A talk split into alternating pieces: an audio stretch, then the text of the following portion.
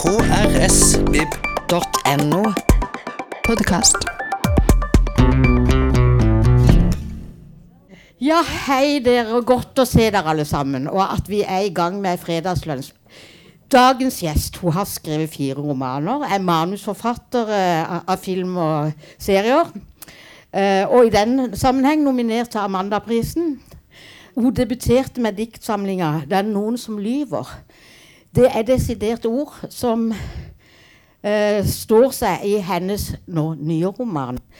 'Jeg grunnla De forente stater'. Mannen som regnes som en av de viktigste arkitektene bak uavhengighetserklæringen, Alexander Hamilton. For den som ble jo nominert til Brageprisen i konkurranse da med Jon Fosse, vår nobelspriskandidat. Og det var han som fikk den, da, men det er jo flott klasse på, på de nominasjonene. Og også nå nominert til Peter Lytternes romanpris. Og det kan man høre hva disse her utvalgte i, folk som kom, skal komme med. Og da diskuterer de seks nominerte bøkene. Så det kan dere følge med på på P2. Men dere, også er jo fra Hidra. Så ta godt imot Hilde Susann Jeknes.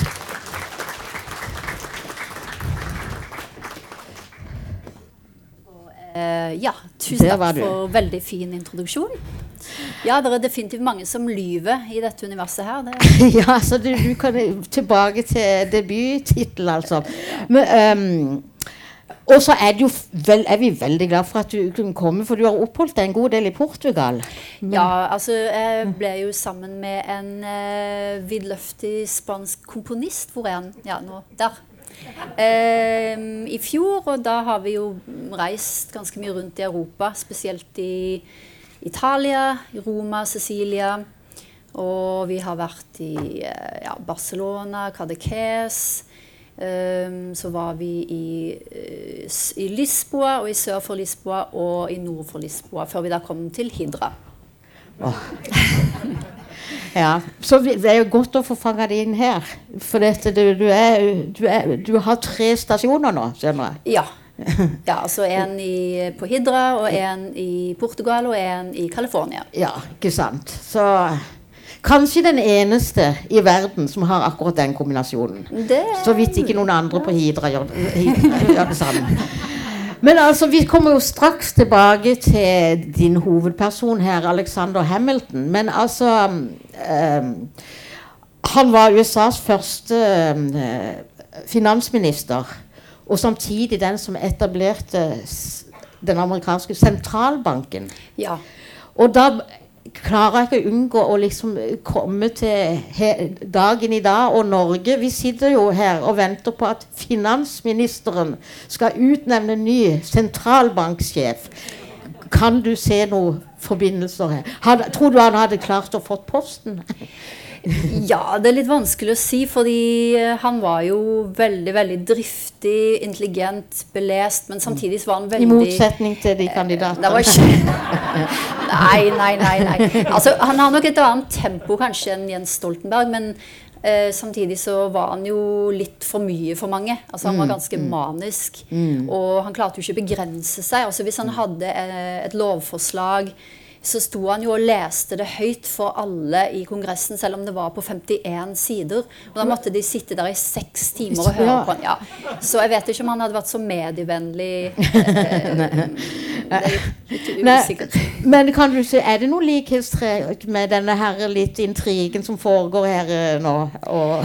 Jeg har ikke fulgt med rett og slett på denne Nei, norske nei. intrigen. Men jeg har jo bare sett at uh, denne kvinnelige kandidaten ble ja, litt eh, underrepresentert på Dagsrevyen når det gjaldt punkter på CV-en.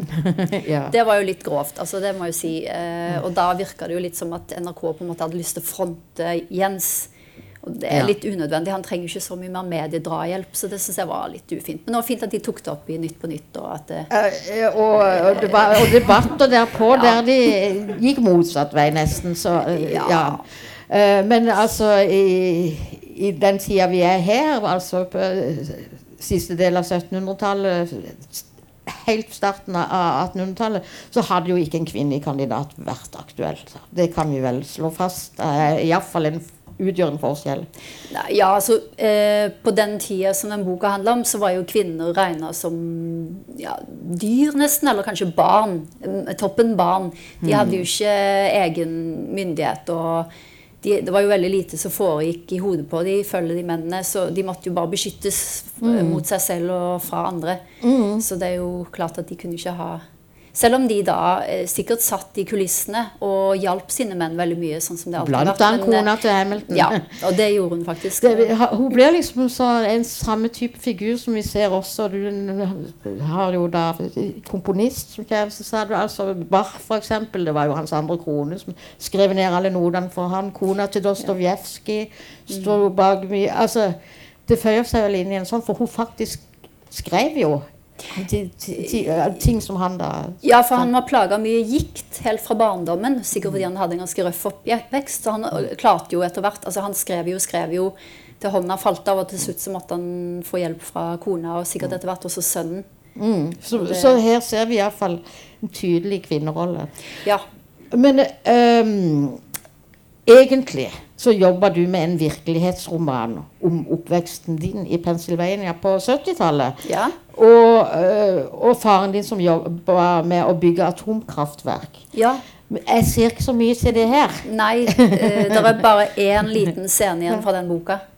Jeg vet ikke om noen har spotta den ennå, men eh, Har, har hun navnet Susann? Nei, nei. Nei? Det er han postrytteren Eli Drinker Ja. som Han skal jo ri med dette veldig viktige brevet som sier at Virginia har ratifisert eh, Mm. Grunnloven. Så rir han i seks dager. Men så får han for seg at hesten vil liksom en annen vei, og så bare blir han med. Og så er han vitne til en ung jentes kattebegravelse. Og ja, det var kanskje min, da. Så da, den scenen overlevde i, i boka. Ja. ja. Uh, men uh, Jeg skal bare se Eh, du kommer, du kommer jo her som altså, Litt i altså at eh, som et friskt pust i en forfatterverden der vi uh, Altså middelklassens problemer uh, med å leve sammen dominerer, altså. Eh, så kommer du altså med denne. Selv om jeg må si den, den er jo den, Jeg ser jo mange frempreg til det moderne eh, i, i, den, i denne boka. Ja, og så handler det jo på en måte også om en middelklasses problemer med å leve sammen. Fordi Mm. han var jo en slags øvre middelklasse som, eh, som tjener av staten. Og selv om Mm. han ble gifta seg med en av New Yorks rik, rikeste kvinner, så hadde ikke de det så eh, romslig økonomisk sett. For han var faktisk ikke korrupt på det økonomiske, da. Så de, eh, ja, de hadde tjenere, og de hadde et stort hus, men jeg tror nok ikke at de hadde det så Ja, Så du kan jo si at den også handler om det samme som alle andre bøker. Men at det er iallfall en annen setting. Men la oss gå tilbake, for han er altså født i Karibia. Ja. Og ut fra kildebeskrivelser skjønner jeg eh, at der har du vært. Ja. Hvor, hvor, hvor befinner vi oss, og hva, hvordan var stedet? Han var jo født på et sted, en øy som heter Nevis, eh, som nå er en del av eh, britiske jomfruøyer. Eh, det var vel da også en britisk koloni på den tida. Men så eh, vokste han opp, eller han bodde flesteparten av ungdomsårene på St. Croix, som på den tiden var en, en dansk slavekoloni. Da de lagde sukker. Altså Danmark-Norge, egentlig. Eh, og Danmark fikk uhorvelig mye penger fra denne virksomheten her. Eh, men han var altså sønn, illegitim sønn av en skotsk eh, Sønnen til en skotsk laird, altså en eh, adelsmann. Familien Sorte Får, som bare dro til Karibien, for han fikk det ikke til hjemme. I motsetning til de vellykka brødrene. Så han liksom dro dit for å prøve lykken. Og mora til Hamilton var altså en fransk hugenottkvinne som hadde kommet litt i uføre fordi hun var gift med en veldig slem danske som slo henne. Og, ja, og så var han så slem at hun endte med å forlate både han og sin egen sønn og stakk av, rett og slett. Så han lot henne aldri bli skilt. Det var jo bare selvfølgelig mannen som bestemte det. Ja, ja. Eh, og da eh, Ja, så hun fikk Hun hadde jo håp om å bli gift med han Hamilton, altså James Hamilton. Men eh, etter at de fikk to sønner, så bare forsvant han. han Ja. hadde noen sånn indre, pengeinndrivingsjobb og kom bare aldri tilbake fra et oppdrag. Eh, Han levde til 1899, så det var vel bare det at han ikke gadd mer. Eller, ja. 1799. Ja, sorry, 17. Eh, eh, Ja. ja. ja, men, ja. Men altså eh, i, handling eh, så er jo ikke han mye tilstedeværelse. Han er vel egentlig bare konkret i én scene. Men, men eh, mentalt så er han jo sterkt til stede gjennom boka. Altså for Alexander så Han er liksom stadig på på leiding etter han. Et, eller sånn. Ja, eller etter en farsfigur. Mm. Det er jo noen som har sagt at nesten alle amerikanske historier handler om forholdet mellom sønn og far. Og det begynner jo kanskje med at Amerika, eller Nord-Amerika var kolonier av England. Um, men så ville de være selvstendige, så det var jo nesten en slags fadermord. Da drev, fordrev de britene, som på en måte var ja, farsfiguren til selve USA. Men eh, her i Hamiltons tilfelle så uh, lengta han nok etter denne faren som ikke ville vite av dem.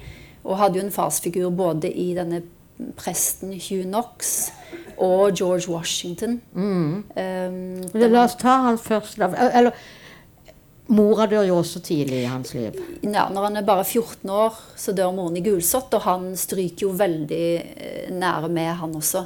De ligger jo i samme seng og er kjempesyke. Men så bikker mora over til den ene siden, og han overlever. Så det er en veldig hårfin beregning.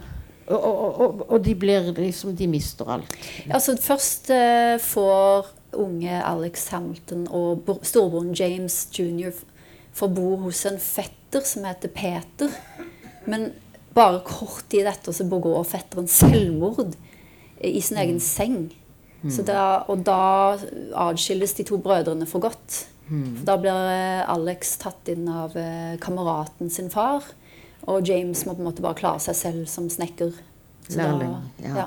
Mm. Men så, altså, ved en tilfeldighet, så, så kommer, møter han altså denne pastoren nok. Ja, altså han Hamilton eh, var jo heldig, eller ja, han var jo alltid ekstremt intellektuell. Ja. Han eh, var, fikk eh, en slags utdannelse av en jødisk kvinne eh, som underviste de to guttene. Det var mora til Hamilton som ville at de skulle lese og skrive, men Hamilton leste jo alt han kom over, og hadde sine egne bøker. Um, og da møtte han jo denne presten Altså måten de møtes på, det har jeg funnet på. Det er jo mye jeg har på en måte dikt opp i det, denne det er en boka. roman, men du Ja. har eh, gått grundig til verks også med ja. Men det, det altså at han stilte sitt bibliotek til rådighet for Hamilton, og at han hadde det mest utrusta biblioteket på St. Croix, det er sant. Og da leste jo Hamilton sikkert alt, omtrent. Og dermed så var han inne i et kretsløp av lokal elite der, som alle var veldig imponert over han. Og, ja, og heia han frem. En enestående intelligent ung mann. Ja, og han, han, han skrev jo dikt. altså Det er jo så mye annet jeg kunne ha tatt med i boka. Han skrev veldig lange, ganske svulstige kjærlighetsdikt på rim. Som han fikk, som han fikk eh, på trykk i lokalavisen. Og han ja, Um, Og engasjerte seg veldig mye. Og, og var eh, regnskapsfører i en alder av tolv. Altså han, lær, han lærte alt han kunne og var kjempeinteressert i alt. Så det liksom Så det var han, så, mens mora levde, de hadde jo en butikk, og så, Ja. han var tidlig til å være Ja. bokfører. Ja, og var nok eh, sikkert mye flinkere enn mora allerede på den tida, for, fordi han hadde lest så mye. Og han leste jo økonomi og filosofi og alt. Det er jo skremmende når du ser på det biblioteket han hadde. Ja. Og, og, men det er jo det, altså Denne pastor Fox som Nei, Knox. Knox. eh, Som Fox, Nox, Rox. ja, eh, som da virkelig ser denne kapasiteten. Det er jo også han vel som, som sørger for at han kan få reist til USA. Jeg tror nok det hjelper å ha en sånn sponsor, fordi da vil jo de andre lokale forretningsmennene Det ble jo nesten som at han anbefaler Hamilton å gå god for han. Og det var sikkert også derfor han fikk jobben som eh, kontorist hos dette store import-eksportfirmaet. Og, så, og når han kom til Amerika i eh, Ja, det var vel 1774, kanskje. eller fem, de de er litt usikre på det, så kom han jo med masse anbefalingsbrev. øh, og kom jo inn på to store universiteter. Han kom inn på Princeton, som var en av de aller største, og på Kings College, som nå er Columbia. Men han ville ikke på Princeton, fordi de ville ikke la han studere i økt tempo. Han var jo så utålmodig. Og det hadde de sett at folk ble utbrent av, så de ville ikke la han gjøre det. Og da dro han til Kings College i stedet. Mm. eh, før vi liksom skikkelig tar turen over til USA, så, uh, så er det noe med eh, komposisjonen din som er veldig altså, For her er det Her møter vi da mange ulike fortellerstemmer. Altså jeg-personen ses jo fra venn og fiende, fra uh, kone, eh, bror Altså virkelig mange Du nevnte så vidt denne her Ekspressrytteren. Ja. Stemme, altså. Og ja, litt eh, etter eh, president Washington. Han, eh, han kom ikke til ordet, for jeg tenkte Jo, at han En plass, gjør han ikke det? Nei. Jeg vurderte å ha et kapittel der han døde, men eh, Nei, for jeg tenkte han er så profilert. Ja, så jeg nei, jeg trodde bare ja. det var en liten scene der. Men, uh, Nei, men Aaron Burr, han som skjøt Hamilton, han snakker om Washingtons død i et ganske sånn Ja. ra- rabiat kapittel. Å ja. ja. Det er kostelig, holdt jeg på å si, midt oppi hvor forferdelig det um, Men altså, hvorfor valgte du det grepet med alle disse stemmene? Jeg tror det er fordi at eh, jeg har jobba ganske mye med film og TV. Og mm. problemet mitt er når jeg skriver f.eks. om en hovedperson, så blir jeg veldig fort lei av den personen. Hvis det er bare de som prøver veldig hardt å gjøre noe gang på gang, på litt forskjellige måter, så går jeg veldig lei. Og så blir jeg tiltrukket av alle andre rundt de. Og så tenkte jeg, men det kan jeg jo dra nytte av her, og virkelig bare velge de som jeg også er nysgjerrig på, for da får vi en sånn slags mosaikk av, eh, og et kor av stemmer. Som, fordi alles virkelighet vil jo være litt forskjellig, og alles interesser er forskjellig. Så da tenkte jeg vi kunne få et litt mer kanskje sannferdig bilde av han. da, Eller mm. litt mer nyansert. Ja, og så blir det jo også da eh, en eh, ja, mosaikk, som du sier, med, eh, der du får liksom alt fra fra måltid til begjær til hat til iver. Altså det, du får så mange falsetter med det. Ja, men så vil jeg også vise at USA er et veldig mangefasettert land. Og består av veldig mange mm, ja, interesser og typer mennesker og, og dyr. Og, ja. Nei, jeg vil iallfall vise at eh, mangfoldet, kanskje eh, og, og, og det som det, det som at alle disse forskjellige personene har litt forskjellige interesser. Og USA lider jo at det, det spriker veldig. altså Det blir dratt veldig til mange retninger av forskjellige typer eh, ja, personligheter, interesser, um, kulturer. Og det har alltid vært sånn helt fra begynnelsen. Så de problemene de har i dag, er egentlig ganske like de de hadde før. Ja. Um, men jeg vet ikke hvor lenge han har eh, helt, Eller husker ikke helt hvor lenge han studerer. Ja. Før, eh, før det da tar seg opp, for dette her kommer vi jo til den amerikanske revolusjonen ganske fort. altså. Og Vi har en scene der det er en professor eh, som er, er engelsk. da. Men han uttaler jo også at han aldri har sett et skarpere hode enn denne unge studenten eh, Alexander Hamilton. Ja, det var rektoren for det, dette universitetet. Og han er lojalist. Dvs. Si at han vil at britene skal fortsette å styre landet, fordi han mener at de gjør det best.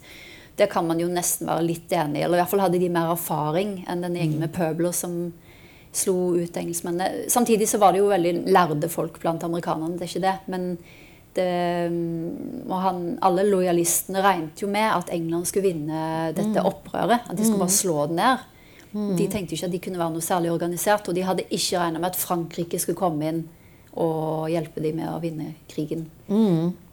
Jo, men han sier, selv om, selv om Alexander Hamilton veldig tidlig bestemmer seg for å uh, heie på patriotene, så han og Ogden, altså denne her Nei, sorry, Ogden, Um, Cooper, uh, Miles Cooper, rektoren er på forskjellige sider, men de respekterer hverandre såpass mye. Og da har også Cooper også vært en slags farsfigur for Hamilton. Og hatt han i privatundervisning i kanskje et år. Så det var nok også litt vondt.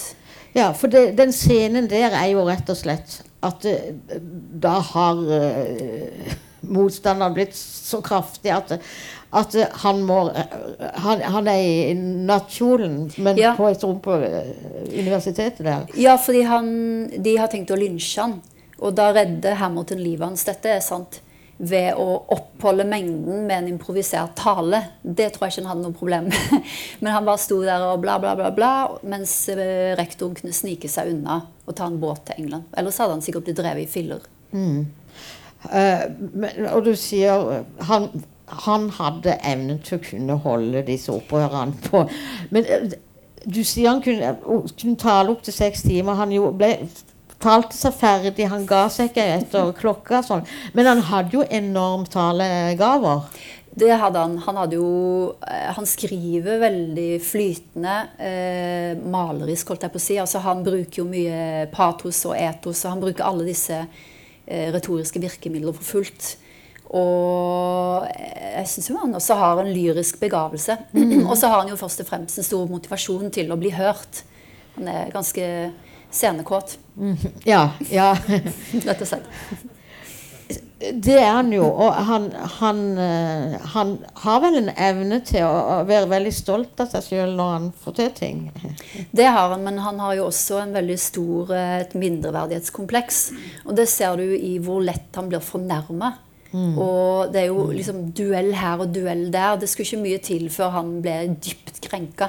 Og det er det også som gjør at jeg lurer på om han jeg tror ikke han hadde vært en veldig egnet sentralbanksjef i Norge. Fordi han hadde tatt alt veldig veldig ille opp og eh, hatt sånn feider. Ja. Sikkert trua folk på livet. Så det hadde ikke sett så bra ut.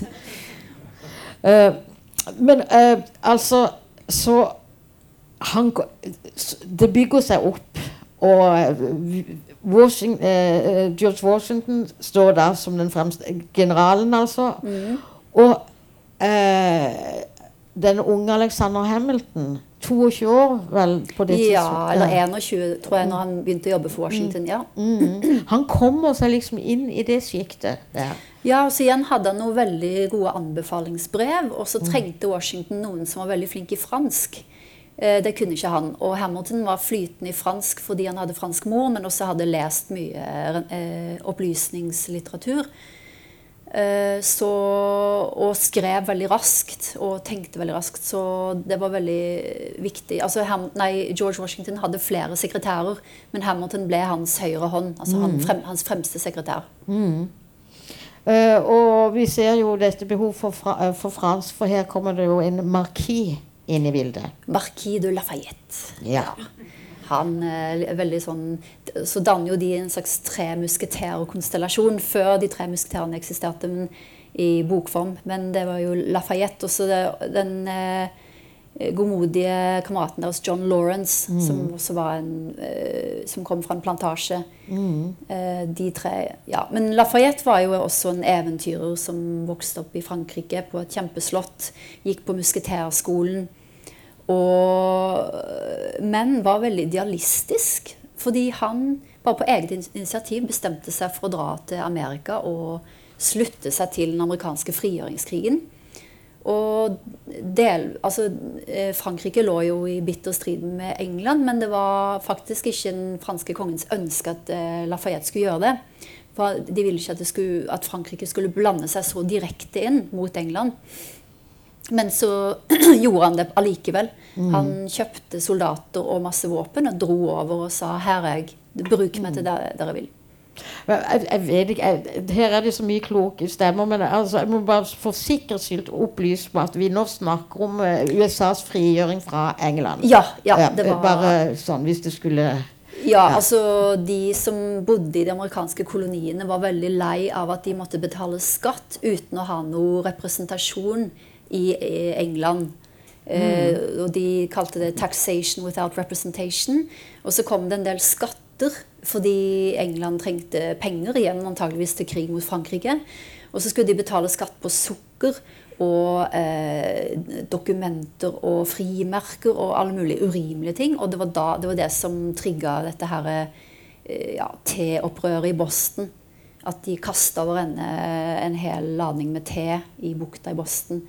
Og rett og slett sa han, nå eh, vil vi ikke betale noe skatt til England mer. Dere må ut. rett og slett. Mm. Og, og så kommer altså denne eh, Marquis La... De Lafayette. Ja. um, og, og da trenger de en som kan eh, oversette fra fransk, og det er da selvfølgelig Det er Hamilton. Altså, Mm, flydans. Eh, ja, han var veldig god i fransk.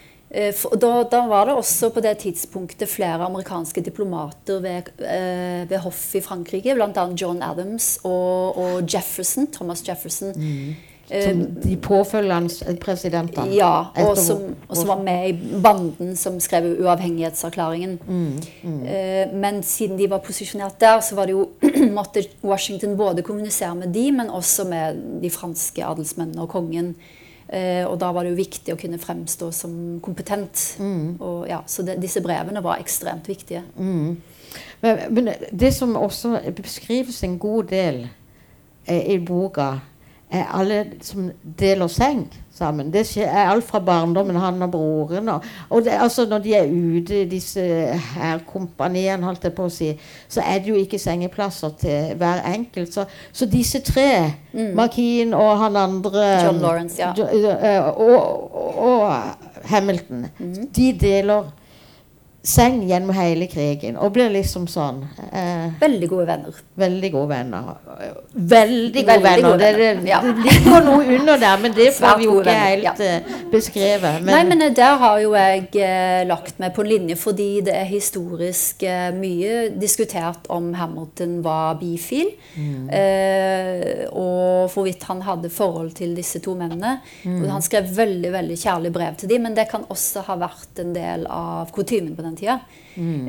men det, er en del ting som virker ganske romantisk på meg. Så, og jeg tenkte at det, det, det fineste var å antyde at de hadde et veldig veldig sterkt vennskap, som kanskje også var fysisk. Mm. men Hamilton var utvilsomt i så fall bifil, for han var veldig glad i kona. også. så det, jeg tror det er sannsynlig at han sikkert gikk litt begge veier, og det var ganske vanlig på den. Altså, det var akseptert blant mennene. Og det var det. Og, ja, eh, men altså, det var jo ikke offentlig på noen måte, men det som skjedde i militæret, det forble jo der. Og sånn har det jo vært eh, under første verdenskrig. Det er mye skrevet om det også. Eh, nå kaller han bare Makin. Ja, det går fint. Eh, Mark, han fikk jo en sentral plass i, under Washington da. Eh, Ja, og det var jo eh, litt kanskje både og for Hamilton, fordi Hamilton var så ivrig på en slags militær seiersuksess. Han ville, han ville være- Han ville det skulle være et slag, og at det skulle stå i historiebøkene at det var liksom under Hamilton at de hadde vunnet. Eh, Så Lafayette hadde jo mye erfaring eh, i, på, kamp, eh, på slagmarkene og militærerfaring. Han var bare 19, men han fikk jo veldig fort en høyere stilling militært enn Hamilton. Og det, selv om han var sikkert glad for vennen sin, så tror jeg han også var litt sjalu og klagde en del over dette til Washington. Men altså helt da mot slutten av krigen så, Ja. så, så får han jo faktisk lede. Han maser seg til det. Altså, da har han på det tidspunktet vært så sint Og på det på Washington. overfor Washington. Ja. Så først så eh, sa han jo opp stillingen for å straffe Washington for at han ikke lot han eh, få et slag. Eh, og så, men så, når dette, så ser jo Hamilton at krigen holder på å ta slutt. Og det er jo ikke bra nyheter, fordi han har ikke vunnet et slag ennå. Nei, Så da går han rett og slett og maser seg til. Altså, jeg vil, jeg vil, jeg vil. Uh, men så passa det Washingtons planer også, fordi ellers ville alle som hadde ledende stillinger ledende posisjoner i den kampen vært franske. Og det hadde ikke sett bra ut for amerikanernes del. De måtte jo ha i fall en amerikaner som var høyt oppe på rangstigen militært. Altså i selve slaget. For Washington var jo selvfølgelig øverst uansett, men han deltok ikke selv i slaget. Men uh, det, det går fint vi, i det slaget. Ja, det, men egentlig da er jo engelskmenn allerede De er jo egentlig på knærne allerede. Fordi de er omringa av tre fra tre hold av franske tropper. Da kommer Conte Grasse med alle sine tropper eh, fra Frankrike. Ferske tropper, og engelskmennene er utmatta. Og jeg tror moralen er lav. Masse sykdommer i leirene. Det var jo mye kopper og Og, og jeg tror det var mest eh, Generalene på den engelske siden drev jo og spredte kopper i fiendens leir ved å smitte slaver og sende de inn. For, det er helt forferdelig, de metodene de brukte. Men engelskmennene var jo egentlig nede allerede. Så Hamilton dundra jo inn i dette fortet og ja, det, ja, de slo egentlig litt ned åpne dører, men han vant jo iallfall slaget. Ja, altså, han kjenner jo sjøl på det, iallfall, at eh, han har gått inn og Ja, ja, klart. Det, jo, det viktigste er jo hva folk sier etterpå, så, så, så risikerte han jo egentlig ikke så mye heller. Nei, um, men altså ehm, Den tredje eh, av de tre, John eh, Lawrence, eh, han får jo også til slutt sjansen der til å Ja, men det er jo litt leit, fordi han var jo den eneste av de tre som ikke hadde hatt et slag med hans navn på. Så det gikk jo han og grein over etter at ja, krigen så godt var, som var vunnet. eh, og, Men tapt for han, liksom. ja, men, men nettopp derfor så tok han jo veldig dårlig avgjørelse i å engasjere seg i en krig mot, mot engelskmenn som drev og plyndra mat. Og så hadde han nok ikke analysert situasjonen, for de ble jo, de ble jo overraska av et bakholdsangrep, og så døde han. Ja. Så da Ja. Og, og, og det, altså, det, vennskapet pluss pluss kanskje som hadde utvikla seg der, um, uh, så, så sto jo disse to, Lafayette og, og Lawrence, som veldig nærme for Ja. Hamilton. Så dette var en stor sorg. Det var forferdelig, og da hadde jo Lafayette allerede dratt tilbake til sitt eget land rett idet den franske revolusjonen begynner. Eh, Så da ble jo ikke han tilgjengelig på samme måte som vennen for Hamilton lenger. Og Lafayette er jo da selv i en knipe fordi i USA, så, eller i Amerika, så har han jo forsvart eh, skal jeg si, borgerskapet mot eh, eliten. Og nå må han eh, forsvare kongen mot en rasende folkemasse som har blod i sinne. Det var jo en helt annen situasjon. Eh, og i, i Frankrike var jo ikke han noen helt på samme måte som i Amerika. Så han hadde en veldig sånn kompleks eh, historie, egentlig. Og var en vesentlig rådgiver for eh, Kongen. ja, Ja. Ludvig den eh, 16. 16. Ja. Ja. Og Marie Antoinette.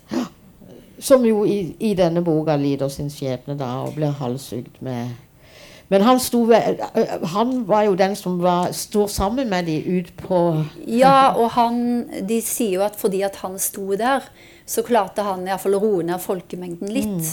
For de, de var jo usikre på han, men tross alt så hadde de et bra forhold til han. Og, og det at han kysser hånda hennes, det har jeg ikke funnet på. Det, det var, førte visstnok til at de gikk fra å skrike ja, øh, dronning Jeg husker ikke hva det var, men det var veldig sånn eh, eh, Madame Deficit, altså dronning eh, underskudd, eller Madame Underskudd, til å plutselig begynne å juble for dem. Så han klarte på en eller annen måte å snu folkemengden der, men det hjalp jo ikke i lengden. Så en mektig posisjon, altså. Veldig mektig. Og det, det- når man skriver om sånt, så blir det litt eh, absurd, for jeg har jo aldri vært i nærheten. Og altså, Det nærmeste konge, kongefamilien er at jeg tok på albuen til Håkon Magnus da vi var russ sammen. Oi. Jeg bare løp bort da vi var i Kongeparken Nei, vi var i uh, Tusenfryd. Og så sa jeg nå skal jeg, jeg skal ta på han, så kan jeg si til min mormor at jeg har tatt på, på kronprinsen. Så jeg bare løp bort, og så gjorde jeg sånn, og så løp jeg vekk.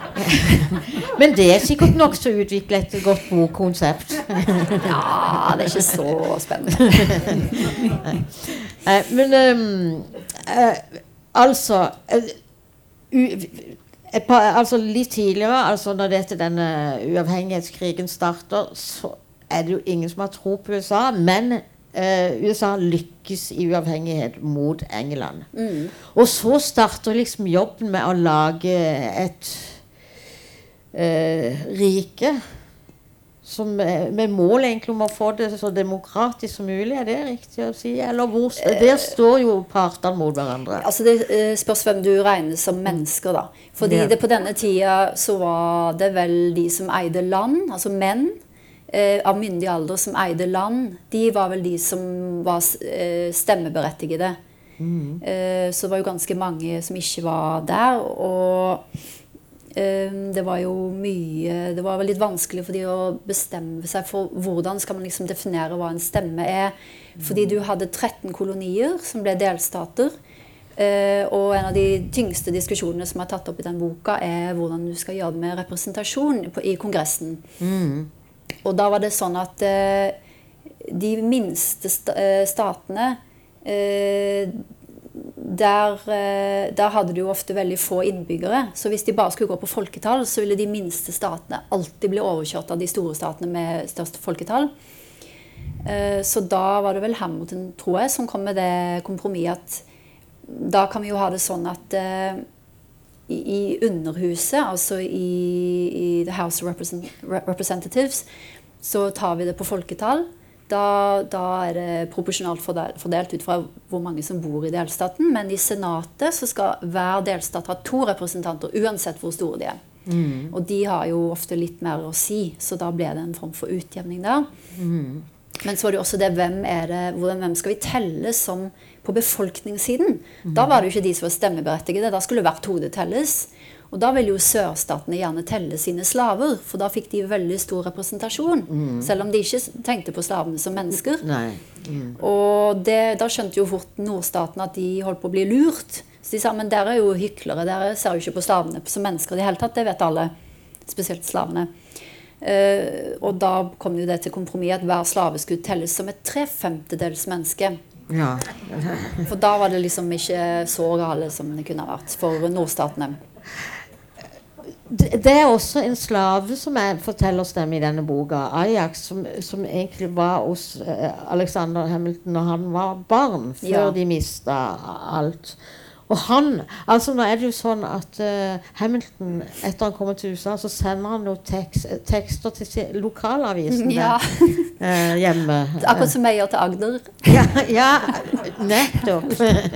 mer og mer likt. det Ja, ja, ja. Det er veldig mye likt. Kongelig og Ja, ja, ja. avisskriveri. ja, ja, ja. Men uh, sånn at eh, folk der kan jo egentlig se hvor, stor han er blitt og, og alt Ja. sånt. men, men også han beskriver jo også Blant annet så kom, kommer det fram dette med eh, hvor mye en slave skulle telle. Mm. Og min Hamilton, hva er det blitt av det, da? For dette han øh, Det er litt seinere, for han kjemper han kjemper jo egentlig for slavers rettigheter. Han. han gjorde faktisk det. Han var alltid mot slaveri, og han hadde jo sett slaveri under de verste omstendighetene. Og det var nettopp på disse sukkerplantasjene i glohete Karibien. Der døde slavene som fluer. Flest, veldig mange døde i overfarten på disse skipene fra Afrika, der de var stua tett sammen. Um, og de som ikke døde der, de, veldig mange av de døde under arbeidet i sukkermarkene. Eller de ble slått i hjel som straff for et eller annet de hadde eller ikke hadde gjort av de oppasserne. Så Hamilton hadde sett dette, og han, synte, han var jo ganske sånn, egentlig ganske rasjonell når det gjaldt forretninger. Og han syntes jo det han kommenterte at det var veldig lite rasjonelt å behandle slaver sånn. Fordi det er jo også verdier, arbeidskraft, eh, altså rent eh, sett bort fra det humanistiske, som han faktisk også snakka litt om. Eh, det var jo Under opplysningstiden så begynte man jo å snakke om ikke akkurat menneskerettigheter, men det ble jo også definert i disse grunnlovene at eh, alle menn har rett til en eh, lykke, frihet eller ja, altså Det er noen grunnleggende rettigheter. Det begynte jo der. Men eh, det å behandle dem på den måten altså De behandla de verre enn dyr. Sånn at det, det var jo rett og slett eh, Hørte jo ikke hjemme noen sted, egentlig. Eh, men de fleste av vennene hans kom jo fra rike sørstatsplantasjer, altså i Amerika. Så han var jo vant til at de hadde slaver hjemme. Ja. Eh, jeg skrev jo ganske lenge på boka og trodde at Hamilton aldri hadde slaver selv, bortsett fra de på St. Croix. Og så fant jeg ut i siste liten, for det ble akkurat avdekket, han hadde hatt to husslaver i New York. Og da måtte jeg jo skrive om. For jeg tenkte at da ville jeg jo vise det sånn som det var, men iallfall at han ja. Men, og det hadde de også etter at det ble liksom vedtatt at slaveriet skulle opp? Nei, nei, nei, nei, fordi slaveriet var fortsatt lovlig i USA frem til slutten av borgerkrigen, som var 1861 til 65. Ja. Borgerkrigen handla jo om slavespørsmålet. Eh, og ble først slutt da eh, slaveriet ble avskaffa ved den 13. grunnlovstillegget.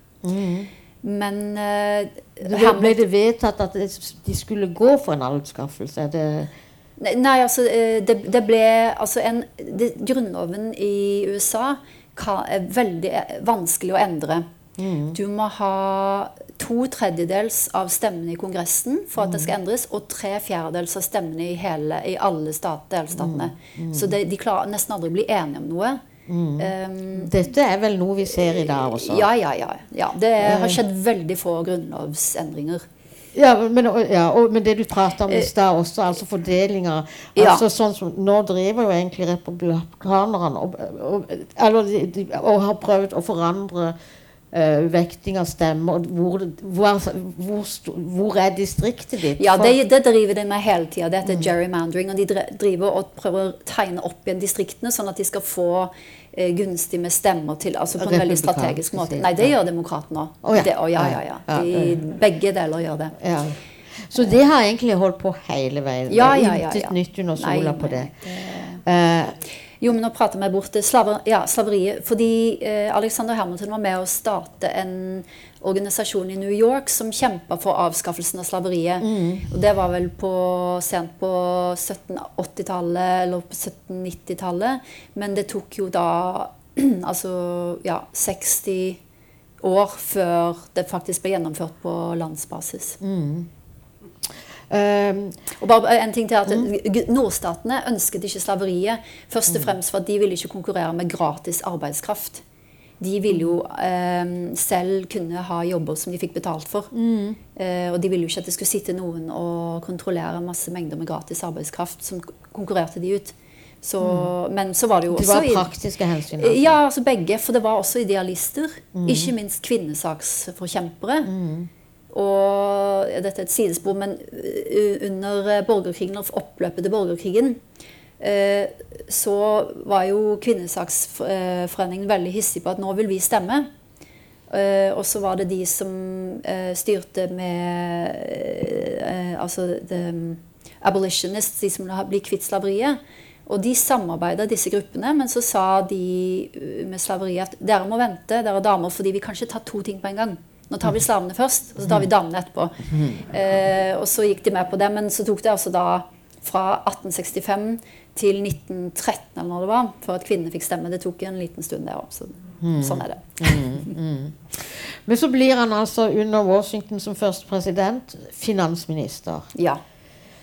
Og altså han har jo Du beskriver jo han alt fra han er liten, at han liksom er på vandring hele tida. Det foregår noe i hodet hans. Han, han er jo et menneske som virkelig står på. Han er en av de viktige aktørene for uh, em, åh, eh, erklærings... eh, nei. Grunnloven? Ja, Ja, ja. Mm. ja eh, altså han har, hadde helt sikkert ADHD. Det er jeg 100 sikker på. For han stoppa jo aldri. Selv når han var syk, så klarte han ikke å slutte å Han var en ganske sykelig gutt, men han klarte jo ikke å slutte å jobbe. og Eh, altså Allerede da krigen mot England ble, var vunnet, så så jo han med en gang ok, men vi har jo bare begynt her. Vi er nødt til å få så mye på plass i dette landet. Hvor skal vi få pengene fra? Eh, vi, trenger, eh, vi trenger føderal myndighet til å samle inn skatter, for det hadde de ikke. Eh, fordi vi må betale alle soldatene som har slåss i seks-syv år uten å få betalt. Eh, og så må vi samle gjelda på det føderale nivået, sånn at vi har eh, taket på delstatene og kan kreve inn skatter av de. Og derfor er det han som Hele hans idé, dette her med å få etablert en sentralbank. Ja, eh, det er hans idé. Og de andre som er i kabinettet altså Jefferson var utenriksminister. Mm. du hadde Adams var visepresident. Eh, og ingen av de var så veldig opptatt av dette med sentralmakt. Tvert imot så ville egentlig de helst at delstatene skulle ha mest mulig selvstyre. For da kunne de fortsette med sitt gamle liv med plantasjene. Mens de som var i New York og i finansdistriktet, de ville ha eh, sterk sentralmakt og sentralbank. Og eh, de, vil, de var mer fokusert på utenlandshandel og import og eksport. Men dette er altså et sånt slag han kjemper så for. For dette, Ja. Jefferson for eksempel, er jo sterk motstander. Det er virkelig en av Ja. stor kjepphest. Han sa rett og slett at banken er ond. Altså Han sa mer eller mindre at det var et slags satans eh, instrument. Eh, så der var det jo litt mye overtro. Og, og de, de, så på banker som eh, slemminger som tok pengene fra folk. altså De hadde ganske sånn primitivt syn på økonomi, mens Hamilton hadde jo egentlig studert det og også vært veldig aktivt engasjert i utenlandshandel fra barnsben av. Med, mm. med, i, i import-eksportfirmaet. Og visste mye om utenlandsvaluta. Så han, han skjønte at eh, det handler jo egentlig bare om systemer som kan til Altså hvis vi inngår utenlandsgjeld så kan vi investere i landet og, og, bruke penger på statsapparatet som vi trenger mm. for å utvikle dette som et velfungerende land. Mm. Uh, dommerstanden er jo også en uh, ja. Altså det med Høyesterett Nei, ja. ja.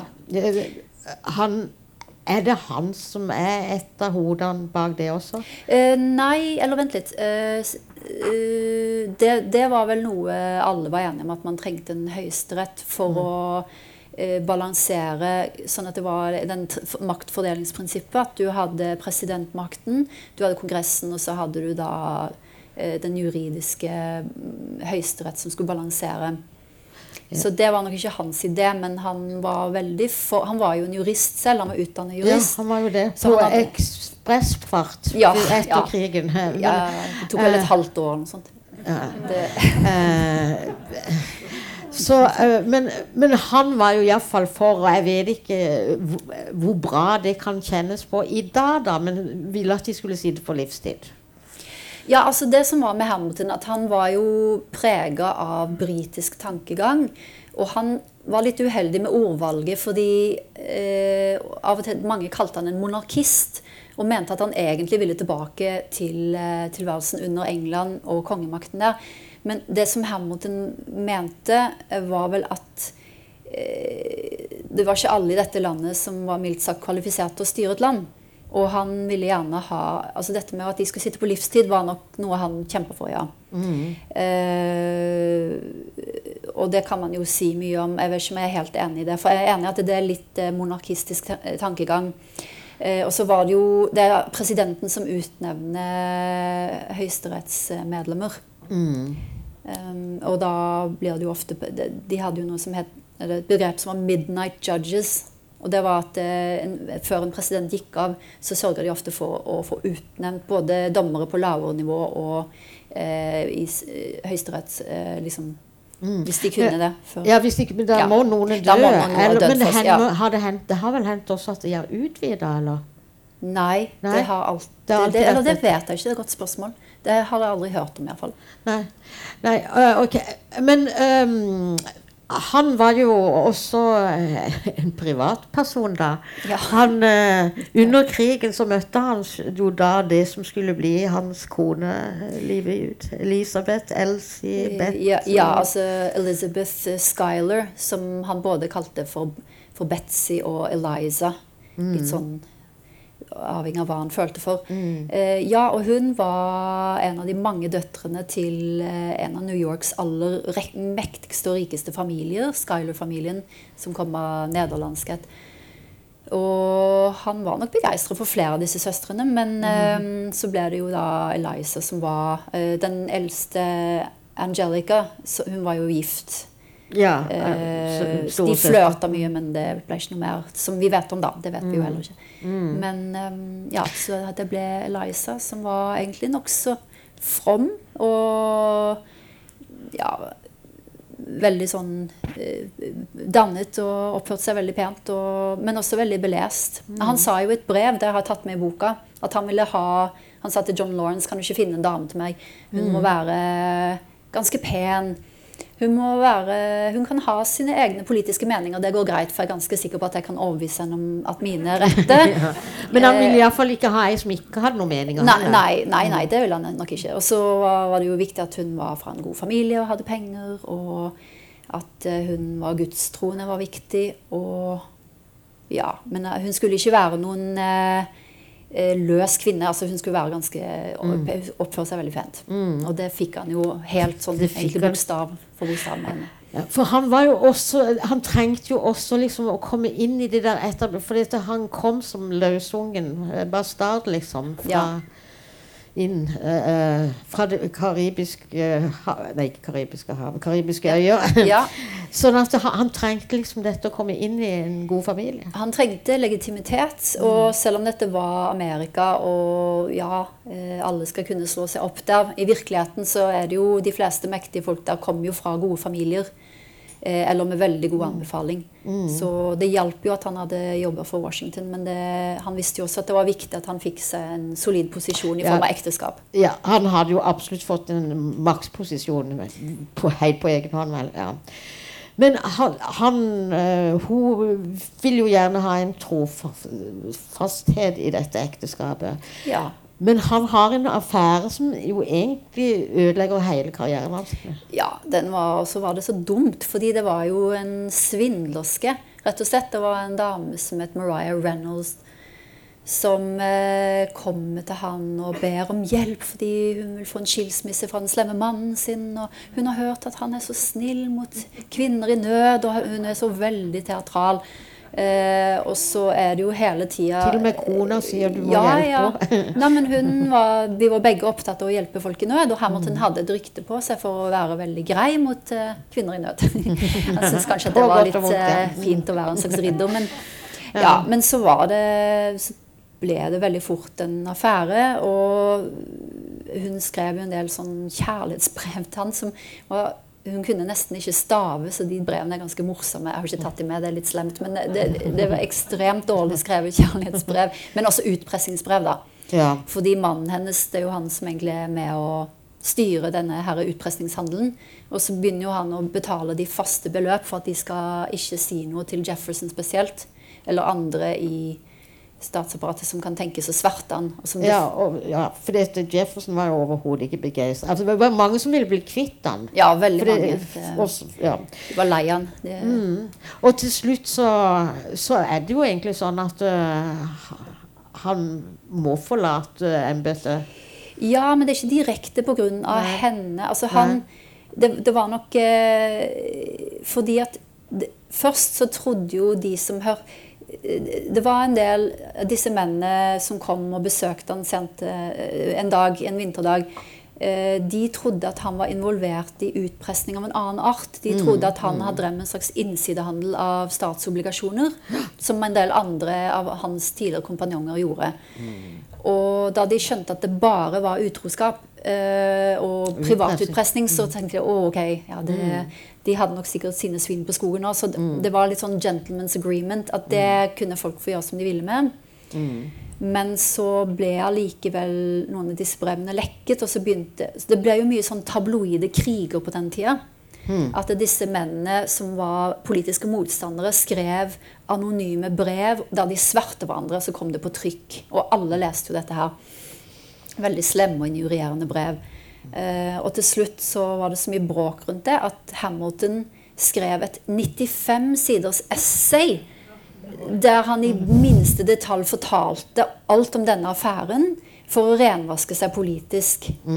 Eh, og, men på det tidspunktet var det så mye støy rundt han at det var liksom ikke helt sannsynlig at han var, hadde nok legitimitet til å bli president, så han ga egentlig opp.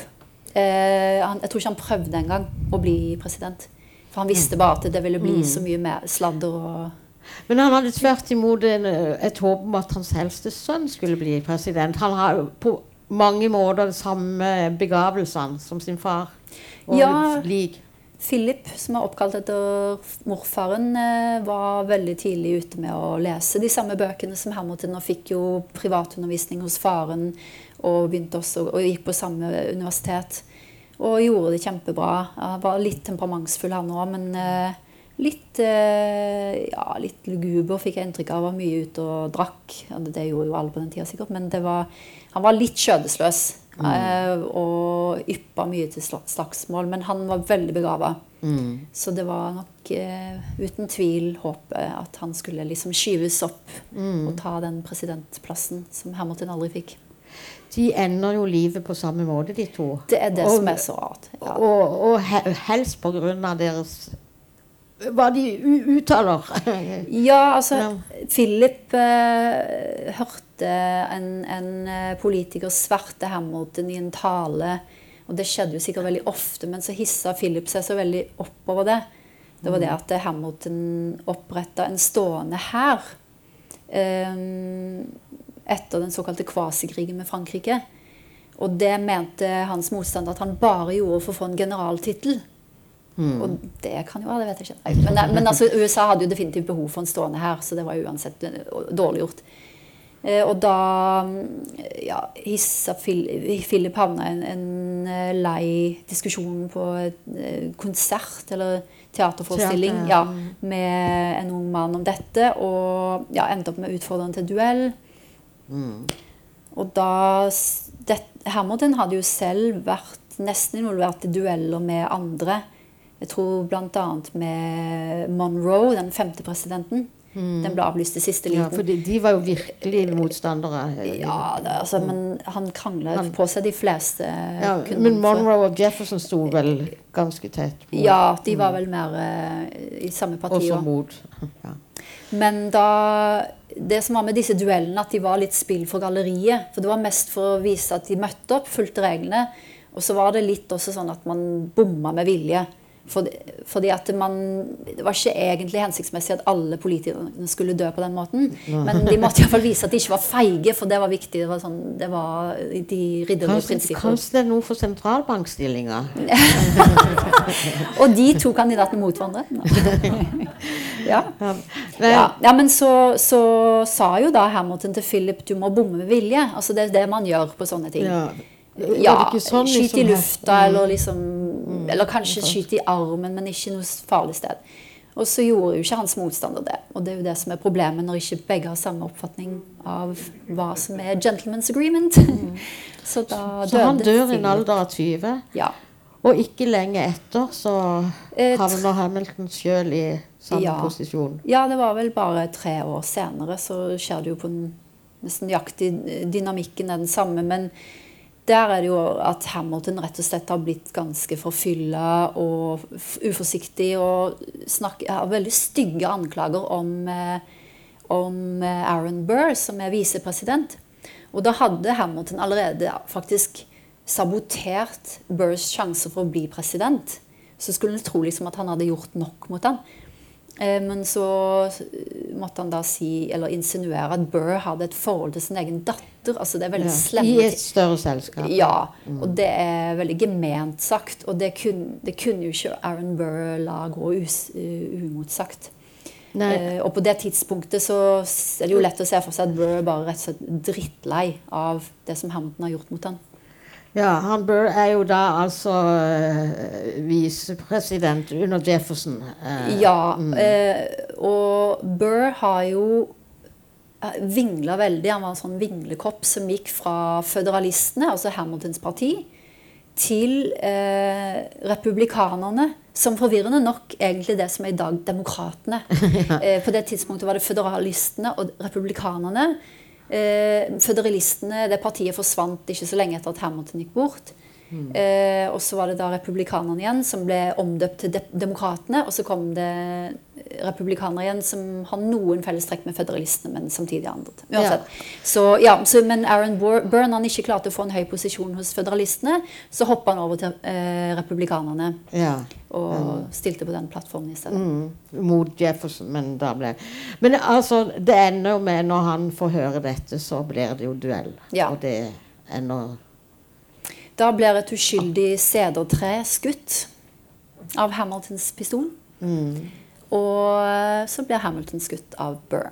Så da bomma Hamilton med vilje, og har da Egentlig litt naivt når du tenker på hvor sint Burr var på det tidspunktet, men Ja. Det er utrolig mye dramatikk og Ja.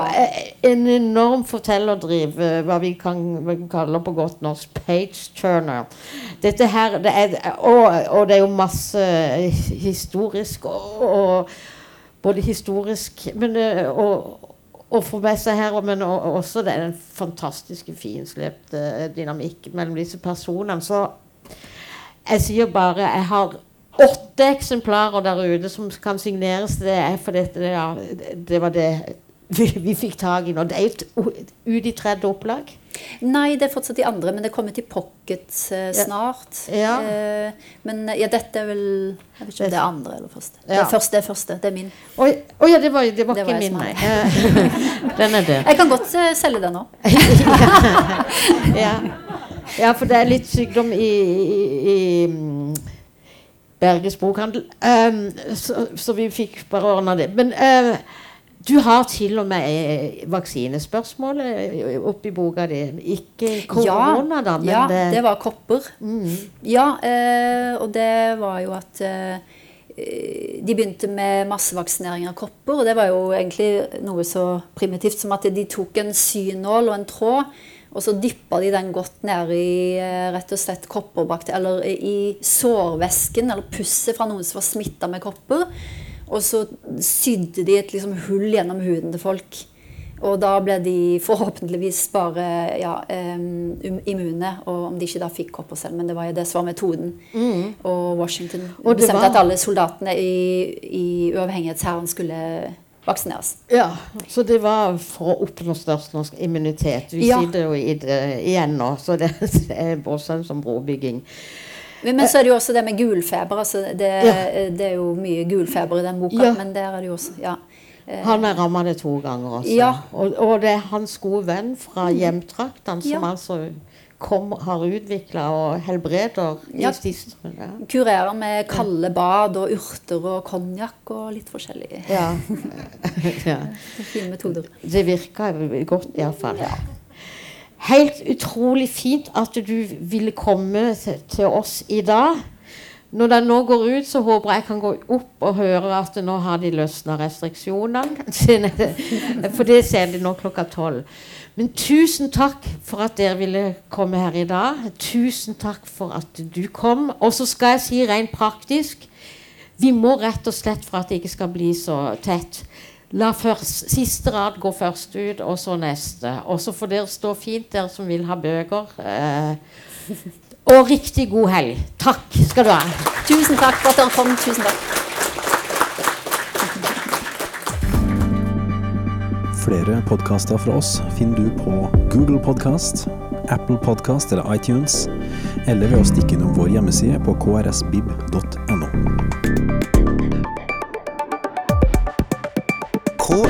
krsbib.no. Podkast.